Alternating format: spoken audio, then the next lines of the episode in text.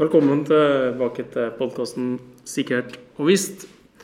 I dag sitter vi i lunsjrommet vårt på Gamle Fysikk. Ja, det gjør vi faktisk. Og det handler jo igjen da om covid-situasjonen. Eh, man eh, har stengt det studioet som vi vanligvis bruker, sånn at eh, vi har måttet improvisert og sitte på lunsjrommet. Og dere vil kanskje oppleve litt støy her under eh, sendinga, men det er god støy, vil jeg si. Det vil være studenter som, som har det morsomt. og som på en måte Ja, Det er godt å se. Ja. Glade studenter. absolutt. Eh, I dag skal vi snakke om et tema som vi har jobba litt med, både jeg og du, Trond. Ja, nemlig stemmer. sikkerhetsindikatorer. Det stemmer. Så vi skal se litt rundt på hva sikkerhetsindikatorer er. Litt forskjellige typer sikkerhetsindikatorer. Og, og også noen sånn praktiske eksempel fra det vi har holdt på med. Og så er det jo òg noen eh, kan du si, fallgruver eller farer med òg. Og kanskje å lene seg altfor mye på sikkerhetsindikatorer.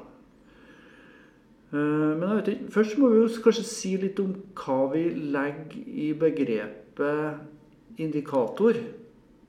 Og jeg tenker jo sånn at eh, Indikatorer er jo altså Det ligger jo litt i ordet. men Det skal jo være en indikasjon på et eller annet. Sånn at det, det handler jo litt om eh, at man prøver å måle noe som man vanskelig kan observere direkte. Og da er jo sikkerhet er jo et godt eksempel på det, egentlig. For det, sikkerhet i seg sjøl er jo et ganske sånn abstrakt begrep som det er kanskje sånn øh, vanskelig å, å, å måle sånn umiddelbart, i hvert fall. Sånn at du må ha noen type indikatorer eller tegn på hvordan en tilstand er, f.eks. Mm.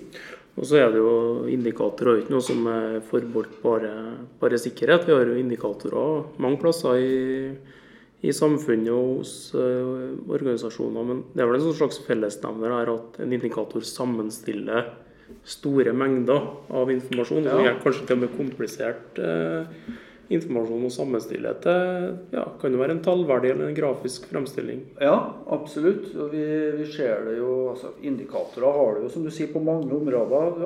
FN har jo f.eks. levekårsindikatorer. Der man på en måte sammenligner forskjellige land og på sånne faktorer som eh, levealder og utdanningsnivå osv. Og, så og så på en måte får man da et samla uttrykk egentlig da for hvordan levekårene er i et spesielt land. Og man kan rangere land osv. Så, videre.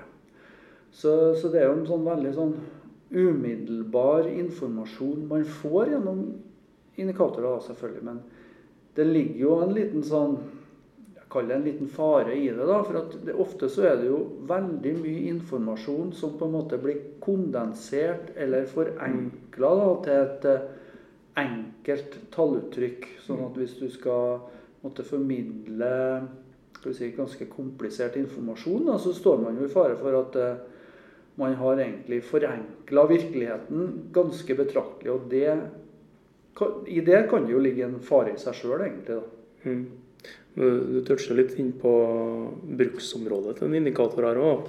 Vi har jo ikke indikatorer for tallverdien sin del. Det skal jo være en beslutningsstøtte for noen. Og, i sånne sammenhenger så kan det være en fordel at man går fra kjemperik og mye informasjon til at man får presentert det på en enklere måte, så, samtidig som man være klar over at man mister jo en del informasjon på, på veien her.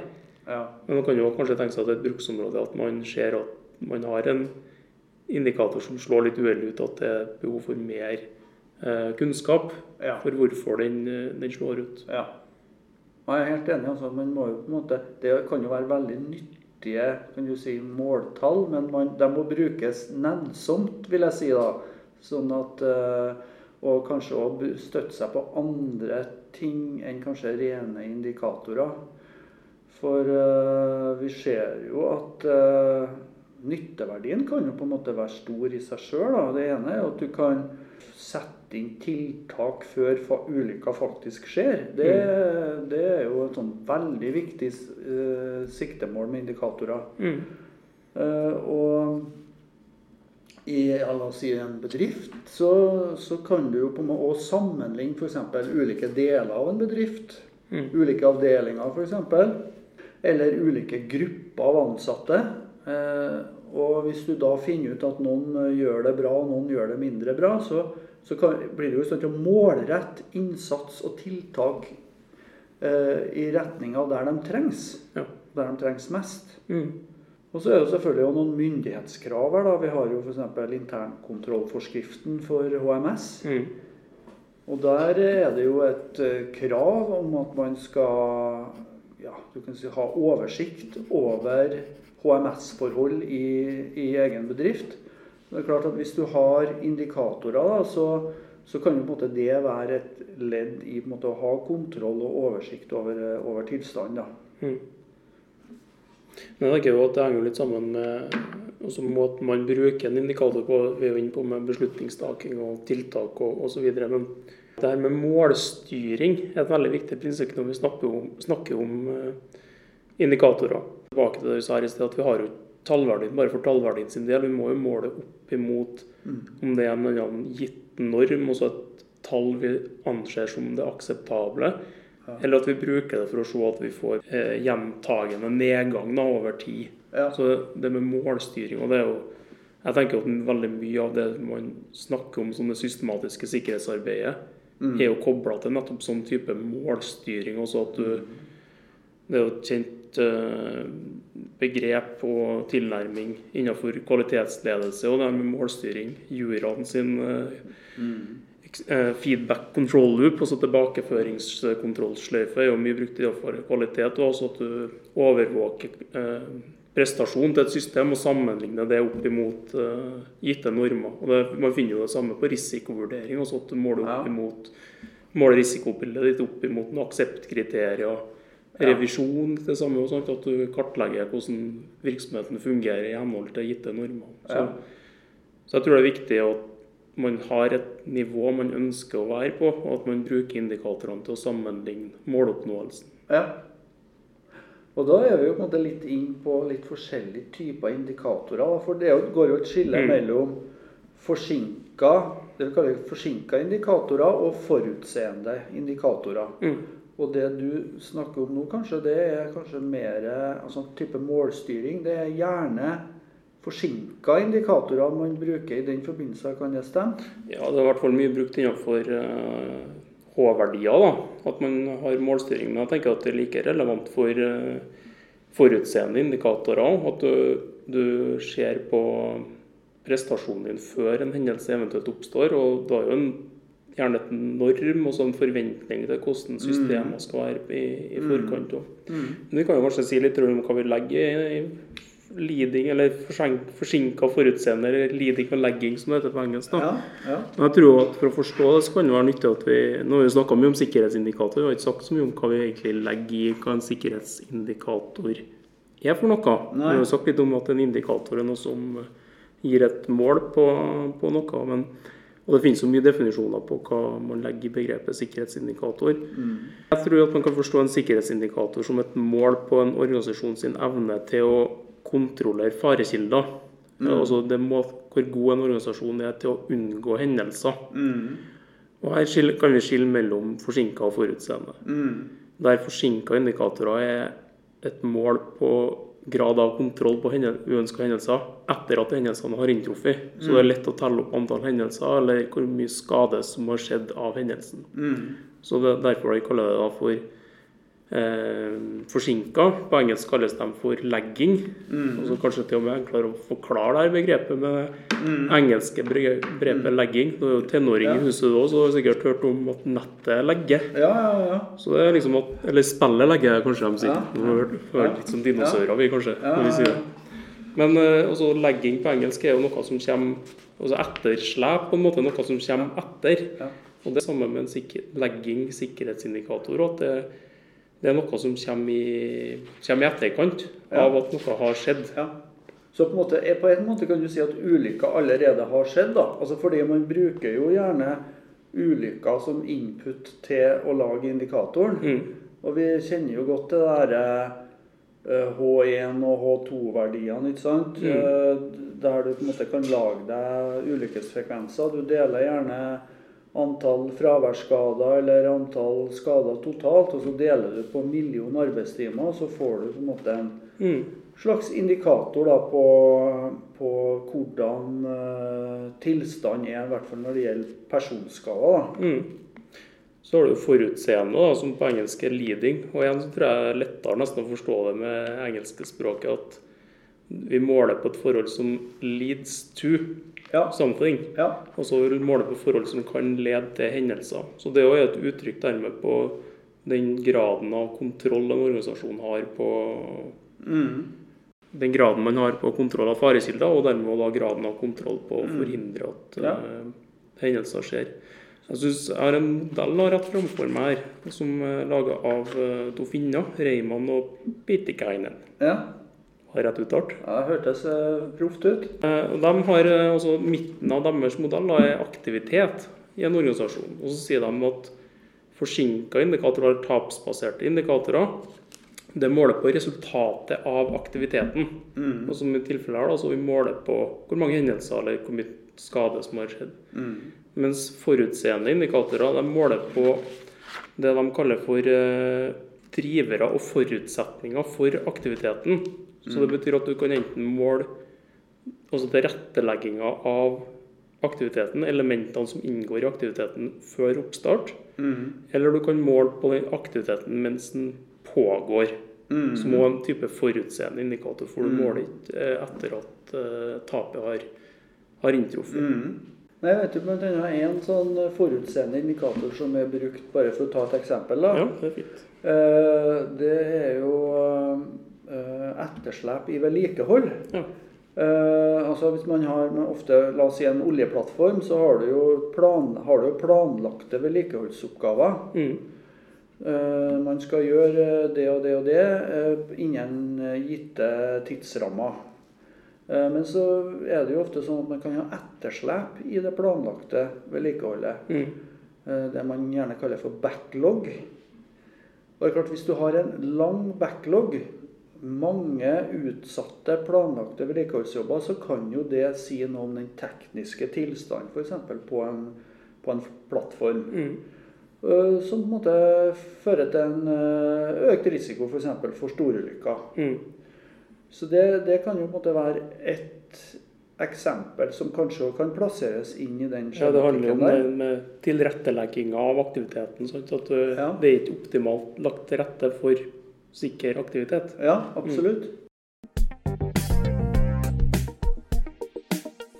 Men eh, nå høres det jo kanskje ut som at det beste er eh, forutseende indikatorer. Men det er klart at det er jo noe nytteverdi også i forsinka indikatorer. Mm. F.eks. det at du kan forhindre nye ulykker. Altså det at ulykker har skjedd, og at man bygger indikatoren på det. Mm. eh, forhindrer jo ikke at man kan forebygge eh, ulykker i fremtida. Og så kan jo forsinka indikatorer brukes til å evaluere tiltak som settes i verk. La oss si at man eh, setter i gang en stor vedlikeholdskampanje, og så er man interessert i å se på ja, har denne kampanjen effekt. Så kan jo forsinka indikatorer være egnet i, i en, en sånn hensikt. da. Mm.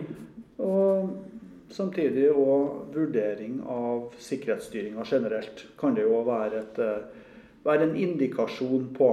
Mm. Jeg er enig, i at Ruth, vi skal, skal passe oss for å kritisere de tapsbaserte indikatorene for mye. og De de er jo populære, for all del òg. Det er kanskje ikke uten grunn at de er så mye brukt. det er nok ikke det. Og de, jeg tror det er kanskje en viktig grunn at det er forholdsvis lett å forstå H-verdiene. altså H1-verdien måler jo antall fraværsskader per million arbeidstime, som er ganske enkelt å, å forstå. Jeg tror En annen viktig grunn til at de er populære, er at de er, en de er et direkte produkt av det rapporteringssystemet som virksomheten har. Eh, Vi snakka jo litt om det i episode 1 med, med rapportering av avvik, rapportering av uønska hendelser. Og de her tapsbaserte indikatorene som H1 og H2-verdier, de er jo basert på den inputen man får fra rapporteringssystemene sine. Så det er jo dermed en bruksverdi av rapportene på den, eh, på den måten. Mm. Nei, og så er det klart at Da er det jo med en gang når du nevner det, altså, så er jo underrapportering, som vi var innom da, er jo, kan jo også være et problem her. da. Mm. Eh, som på en måte reduserer validiteten egentlig da, til, til indikatoren. Så at hvis du, eh, hvis du får eh, Hvis du har sånne faktorer som motvirker egentlig at folk sier fra hvis de skader seg, eller Mm. at det er tilløp til skader eller ulykker, så, så kan man jo kanskje ikke stole uh, så godt egentlig på de indikatorverdiene man får. da.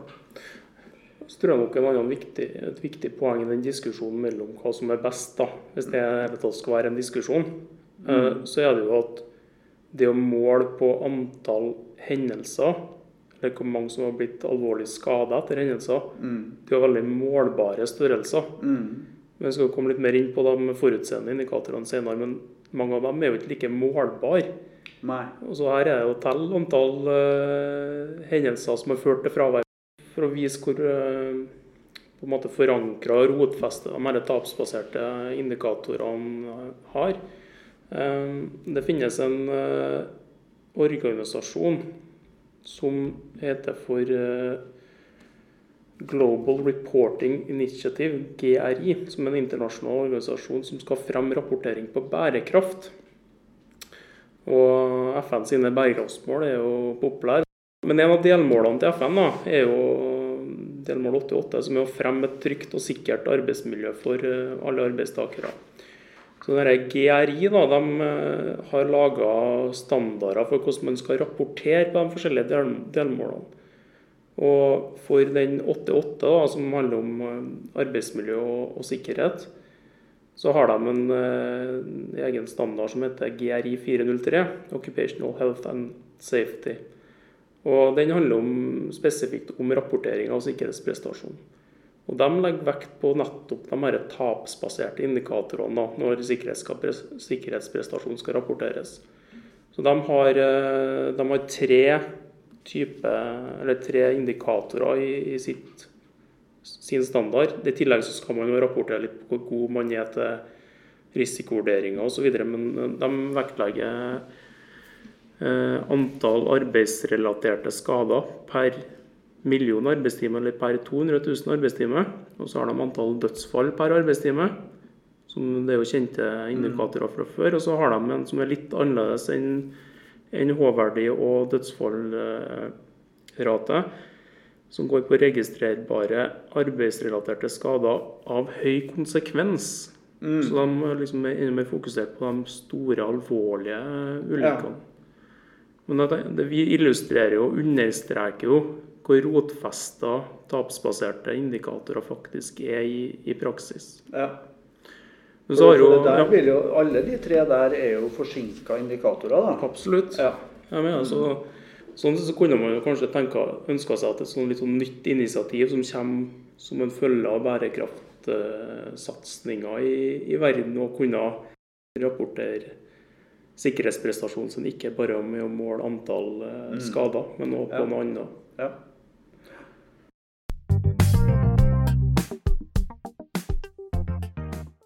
viktig grunn da, til at eh, forutseende indikatorer har fått sånn, blitt mye fokus på det i det siste, er at eh, de her forsinka indikatorene har sine svakheter. ja.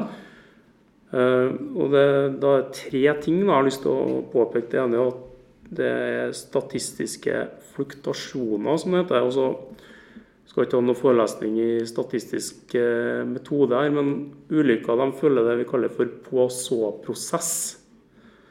Eh, som ja, det følger samme statistiske lovene som f.eks. antall kunder som kommer til en butikk, og så du har en viss formening om snittet av antall kunder du får. Men du vet ikke når de kommer. Altså det, er det er litt tilfeldig egentlig når de kommer. Ja. Telefonsamtaler, SMS-er, litt det samme mønsteret. Ja.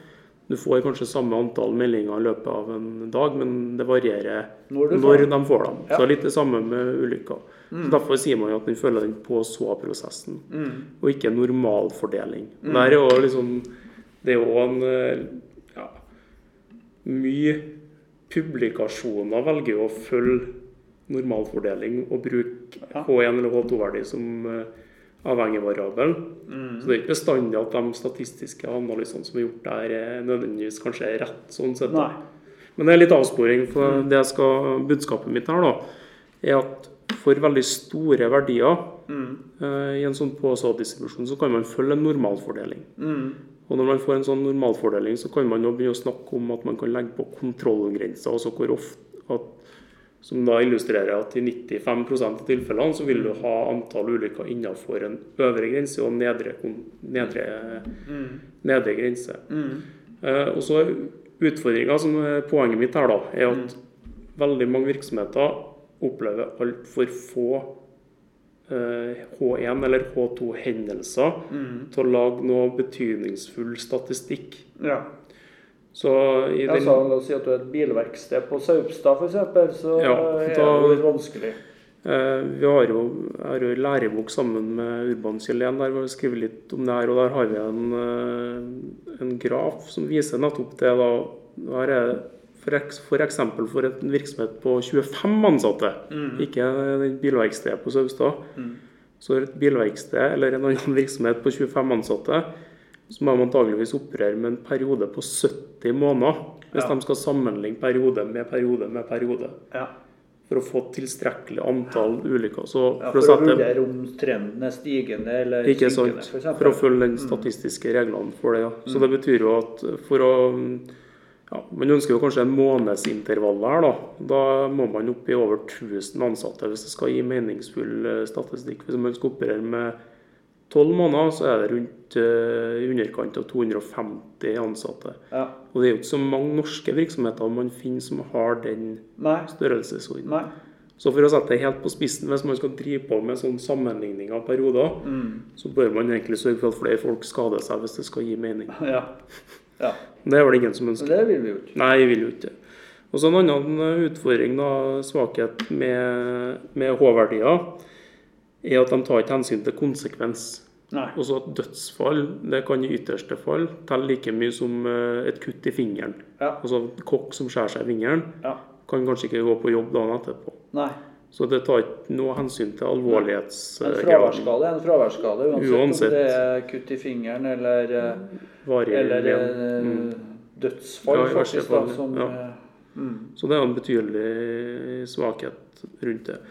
Og så Den tredje svakheten er at det er ikke nødvendigvis robust mot manipulasjon. Også det, det kan være insentiver for enkelte å manipulere det her, sånn at du fremstår som bedre enn det du egentlig er, da, Ja. med underrapportering bl.a. Ja. Nei, det er klart at forutseende indikatorer det, I det så ligger det jo at du skal på en måte, være litt småsynsk. Altså at du skal på en måte prøve å spå om fremtida. Ja. Og, og, og det er jo ikke så enkelt. eh, Og, og det er ikke så enkelt å måtte få laga seg egentlig valide indikatorer på ting som skal skje i, i framtida. Men Mm. Det er klart at noen forhold vet vi jo, f.eks. fra granskninga, at har betydning for eh, at ulykker kan skje. Mm. Og klart at den type informasjon kan man jo bruke uh, uh, for å å, måtte, konstruere da, forutseende indikatorer. Mm. Så jeg kan jo bare nevne det her med sikkerhetsklima. Ja.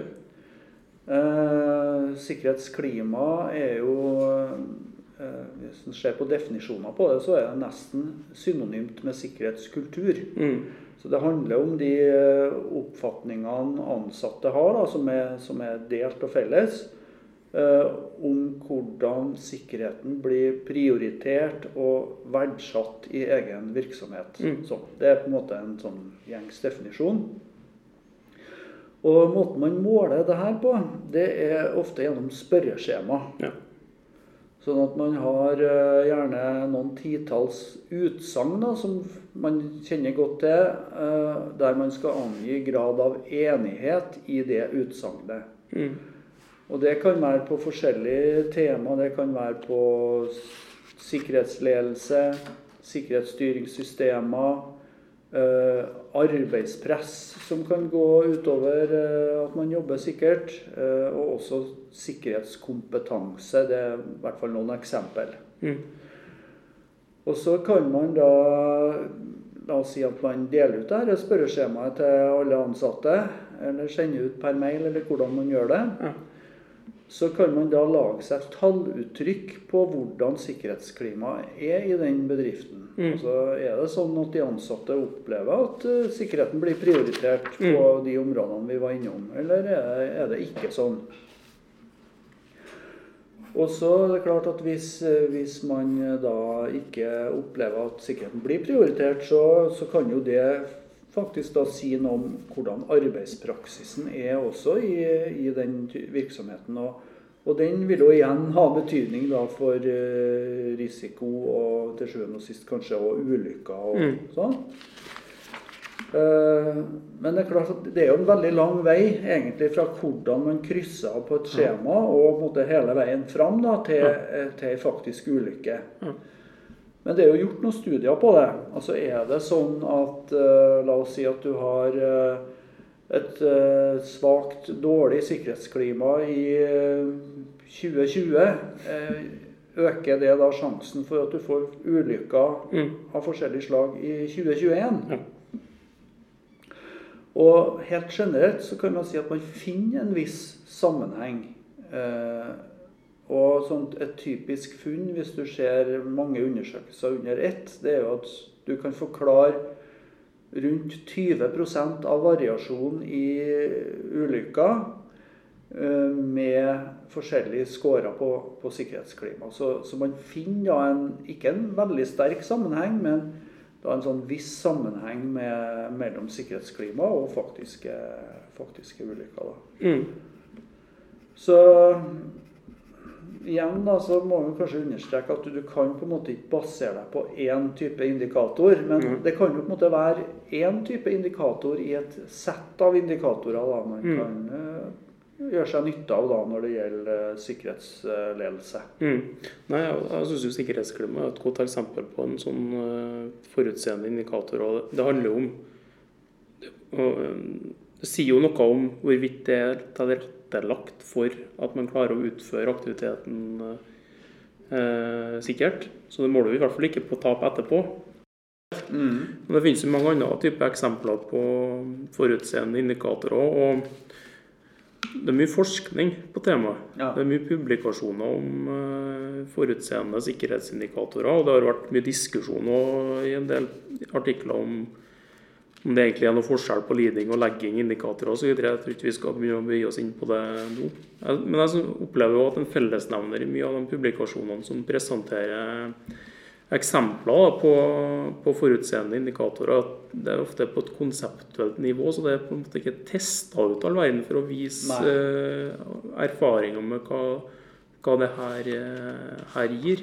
Mm. Men jeg kan jo gi noen eksempler fra, fra litteraturen. Da. Vi har en type forutseende indikatorer som i stor grad måler ja, litt sånn avvik, egentlig. Ja. Altså, ting er ikke sånn som det skal være. Gjerne litt tett kobla til selve aktiviteten. Og en fellesnevner for dem er at de ofte måler prosent samsvar med et eller annet krav. Mm. Så det kan jo f.eks. være prosent riktig atferd. Ja. Altså hvor mange er som bruker verneutstyr på riktig måte. Ja. Eh, Så det er jo et eksempel på, Ja. På en målbar størrelse. Forholdsvis målbar. Det krever jo litt innsats av dem som måler, ja. kanskje, men det gir jo et uttrykk for om ting Ja. er som, som det skal være. Mm. Så er jo tekniske problemer. Kan måle prosent av utstyr som fungerer i henhold til kravspesifikasjon når det blir testa. Mm. Det kan jo være mye ventiler, brannsystemer osv. ja. Eh, prosent barrierer som fungerer som planlagt. Der har vi jo på NTNU her med vår gode kollega Urban Kjellem nettopp hatt et prosjekt der vi har utvikla en barriereindikator i bygg- og anleggsnæringa, som må måle prosent av tilgjengelighet da, på barrieresystemer. Eller så kan det jo være målt prosent av arbeidstakere som har rett dokumentert eh, kompetanse når de kontrolleres, og så har de maskinsertifikater tilgjengelig, har de fått maskinspesifikk eh, opplæring. Så ja, så ble det jo liksom prosentmålinger. Mm. Det som slår meg med den type indikatorer, det er jo at de, eh, de passer kanskje ikke Alle passer ikke overalt. Nei. Så du er på en måte litt avhengig av litt skreddersøm. Mm. Uh, avhengig av hvilken type virksomhet du er. Og, Ja. Og noe kjennetegn ved den virksomheten du, du er en del av. Mm. Eh, sånn at eh, vi har jo jobba litt med og sikkerhetsrevisjoner, som Ja. er en litt annen måte å, å måle sikkerhet på. da. Ja. Der man eh, går litt uh, tungt inn i en avgrensa periode og Mm. ser på hvordan sikkerhetsstyringa og, og en ulike forhold fungerer. da. Ja. Og det er klart at eh, der eh, vil man jo ofte få en del funn. Ja. Og de funnene kan jo på en måte være både positive og negative, men Mm.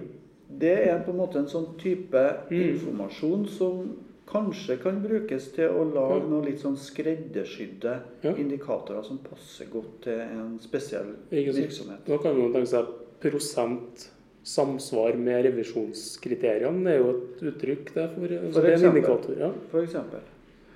Jeg har jo sett øh, byggere som gjør det samme, der de klarer å, å sammenligne prosjekter. og revisjon har utført i forskjellige prosjekter, så kan de ha sånn benchmarking mellom prosjektene. Ja. Men samtidig så klarer de å altså matrise her da, så de klarer å se tema for tema i revisjonen og se hvilke tema er det vi sliter mest med i våre prosjekter. Så det, ja. da kan de bruke det til å identifisere og, og vi er for dårlige på bruk av sikker jobbanalyse f.eks. Ja. Kan man gå inn og gjøre tiltak. Ja. det. Og man kan jo lage seg en helt sånn konkret indikator på det, som Det man måte kan følge med Absolutt. kontinuerlig. F.eks. i en avgrensa periode. Da. For jeg Mm. tenker jo at uh, denne type indikatorer kanskje har et sånt uh, Det er en datostempling på dem. Ja. Jeg tenker jo at ting forandrer seg jo Ja, ganske kontinuerlig underveis. Ja, sånn at uh, en indikator som var måtte, nyttig i 2010, er ikke sikkert er Mm. så nyttig i 2021. Mm. Nei, det finnes jo en del sånn kaller revisjonsbaserte eh, indikatorer. Både som er rett henta fra selve revisjonsresultatene, men det finnes jo en del andre på markedet som måler liksom managementorientert, og som måler ved samsvar i forhold til forskjellige Mm. standarder på arbeidsmiljø, eller hva det skal være. Ja. Det er litt sånn Utfordringa tror jeg er å finne Så vi snakker om organisatoriske forhold. Mm. eh, Så er det på en måte å finne eh, hva er på en måte godt nok. Hva, Ja. Hvor skal grensa gå? Mm. Jeg tenker Hvis man tenker sånn tekniske forhold, enn eh, ja, La oss si ei pumpe, da. Ja, Så kan man lage seg kriterier Ja. på levetid, belastning Tilgjengelighet. eh, Mm. som er på en måte veldig konkret og enkel å forholde seg til, og som og man kan måtte utvikle gjennom å teste pumpa f.eks. over Mm, tid. mm. Teste belastning, og så ser man eh, hvor mye tåler den egentlig før man eh, bør skifte den ut. Ikke sant. Så da kan man lage seg noen akseptkriterier. Mm. Men eh, hva skal akseptkriteriet være på ledelse, f.eks.? Ja. Eller kommunikasjon? Ja. Eller en det er litt sånn annet sant. eh, mindre konkrete forhold. Da. Jeg sier ikke at det er umulig, men eh, det må tenkes igjennom. Mm. Ja, og der er jo en viktig forskjell tilbake til det her med forsinka indikatorer som vi snakker om. Og sånt. Det er kanskje lettere å legge seg på en bransjestandard på at H1-vålertiden vår skal være på seks, for å ta et tilfeldig tall. da. Mm. Så det er lettere på en måte å sette seg en eh, grenseverdi. Mm. det, det er krevende. Jeg jobber jo litt med i et prosjekt der vi utvikler forutseende indikatorer for bygg- og anleggsnæringa. Nevnte der barriereindikatoren tidligere. og så I tillegg så har vi utvikla en eh, indikator som vi kaller for tidligfaseindikator. Som eh, det er veldig samsvar med du, du har snakka om tidligere, nå, Trond, at vi har, vi har identifisert faktorer, f.eks. i det- detaljprosjekteringa, som vi vet har betydning for sikkerhetsprestasjon når bygget skal settes opp. Mm. Eh, Og da har vi jo en liste på 10-12 faktorer som vi vet har betydning. Og så har vi utvikla ei sjekkliste ut fra det. Mm. Som for øvrig, jeg tror en fellesnevner for mange av de forutseende indikatorene at de er sjekklistebasert. da. Ja. Der du går ut og måler basert på sjekklister. Men der har vi, vi er inne i en periode der vi tester ut det nå. Og Opprinnelig så begynte vi med at denne sjekklista hver faktor hadde en gradering fra 1 til 5. 1 gikk veldig svakt, 5 kjempebra. ja. Så etter hvert gjennom uttestinga så har vi på en måte lufta ideen om å ha både tre og to eh, kategorier i stedet for fem. Mm. Og grunnen til det er at på en måte snittallet man får ut fra den skalaen til slutt, det er ikke så viktig. Nei. Det viktige er mer å identifisere i detaljprosjekteringa hvilke faktorer er som ikke er gode nok. Ja. Så Man kan tenke seg en sånn trafikklysmodell for Mm. hvert eh, svar. Så Hvis man da havner på rødt lys, rødt område, Mm. på at man ikke har gjort en type risikovurdering, Mm. så betyr det at prosjektet er ikke modent til å gå videre til neste fase. Nei. Så man bruker heller den indikatoren til å identifisere hvor er ikke det bra nok ennå for, til å gå videre. De svake punktene der farekilder kan slippe gjennom, for å bruke Ja, eh, sveitserostmodellen. Så da er ikke måltallet som er viktig lenger, men den grafiske fremstillinga av at du, Mm. du får noen røde trafikklys som du er nødt til å gjøre noe med. Og Derfor også har vi diskutert ikke bare ha tre, rødt, gult og grønt, men kanskje bare ha rødt og grønt. Ja. Så enten så er det bra nok, Ja. eller så er det ikke bra nok. ja. Og da kan ikke du flytte deg over på grønt lys, for du har gjort, gjort noe med det forholdet Ja. du har identifisert. Men det krever sikkert litt fintenking da, å finne hvor skal grensa gå da, mellom eh, rødt og grønt. Ja, det er jo litt tilbake til det at det er noe av det her som er litt vanskelig å, å måle. Ja. Mm. For det er klart at det er jo Man kan jo stå i fare for at man eh, La oss si man er i grenseland, men havner på grønt, og Mm. så lener man seg på det, og så er Mm. man kanskje litt på utrygg grunn allikevel. Så Mm. det, det er en komplisert, eh, komplisert eh, komplisert tematikk, egentlig, spesielt når man beveger seg inn på det organisatoriske Ja, det, forholdene. da. ja, det tenker jeg. For det finnes jo en- en annen type forutseende indikator er jo det å måle på ryddighet. Ja. Som òg er sjekklistebasert, altså at du går ut og gjør inspeksjoner basert på sjekklister. Men der er det mer målbart, på en måte, så du klarer å se om nødutgangene dine er tildekka av rot eller ikke. ja. Det er mer observerbart enn å se om ja, sikkerhetsengasjement til en leder. Mm. Og så tror jeg Vi nevnte jo her i sted det med at en svakhet ved forsinka indikatorer at de kanskje ikke er robuste mot manipulasjon. Mm. Og klart sånn sjekklistebaserte tilnærminger, så er det jo lett å gi det svaret du bør gi, eller ønsker å gi. Ja. Eh, Så her er kanskje litt sånn sidemannskontroll, at det er flere som gjør utfører inspeksjon, sjekklistene, utfører revisjon. Eh, Så går det veldig på integriteten og kompetansen til den som måler. Ja, absolutt. Det vil jo være eh, veldig viktig. Mm. Ja, nei, det, det prosjektet der hørtes jo veldig interessant ut. Men er det noe altså, Krever det ressurser, det her, eller hvordan eh, Ja, det er et meget godt spørsmål. For det, vi opplever vel litt sånn utfordringer med å komme med en ny metode. Ja. Eh, spesielt fordi at den er som du sier, litt ressurskrevende. At det krever litt eh, arbeidstid da, fra involverte i et prosjekt å, fylle ut den sjekklista. Altså, når vi har testa her, så har vi vært ferdig på 30-60 minutter, så det er ikke noe kjempemye. Men man er jo en travel hverdag. ja. Og mm, vi er jo i samme prosjekt i en fase der vi prøver ut litt annen type forutseende indikatorer. Og det, det er litt den samme tilbakemeldinga overalt. At ja, hvis vi skal prøve ut en indikator her, hvor lang tid tar det Ja. å gjøre det? Og så vil det ekstraarbeid på oss i prosjektet, eller i, Ja. i for så vidt i organisasjonen for øvrig òg. ja. Så jeg tror at eh, når man man er jo vant på en måte å jobbe med indikatorer. Så når man kommer med indikatorer som skal representere noe nytt, som i tillegg er ressurskrevende på datainnsamlingssida, så Ja. kan det være utfordrende. Mm. Så jeg tror det må klare å demonstrere den kost-nytte-verdien her, da. Nytten Ja. opp imot uh, mot kostnaden. Samtidig så i forlengelsen av dette prosjektet så har vi jo sett litt på hvilke muligheter digitale verktøy gir. ja, for det må jo være veldig gunstig, det på en måte å hente inn stordata, eller eh, Nettopp. For det meste av det her er jo ofte informasjon som allerede er tilgjengelig. mm. Men det å systematisere eh, ved hjelp av maskinlæring da, med oversatt tekst, sånn at det er lettere å koble sammen eh, forskjellige datakilder f.eks. Ja.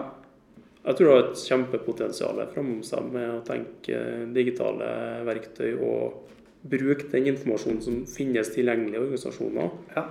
til å gi tidligvarsler, early warnings. mm. om eh, hvorvidt man klarer å beholde, eh, beholde den kontrollen på farekilder som man har. Ja.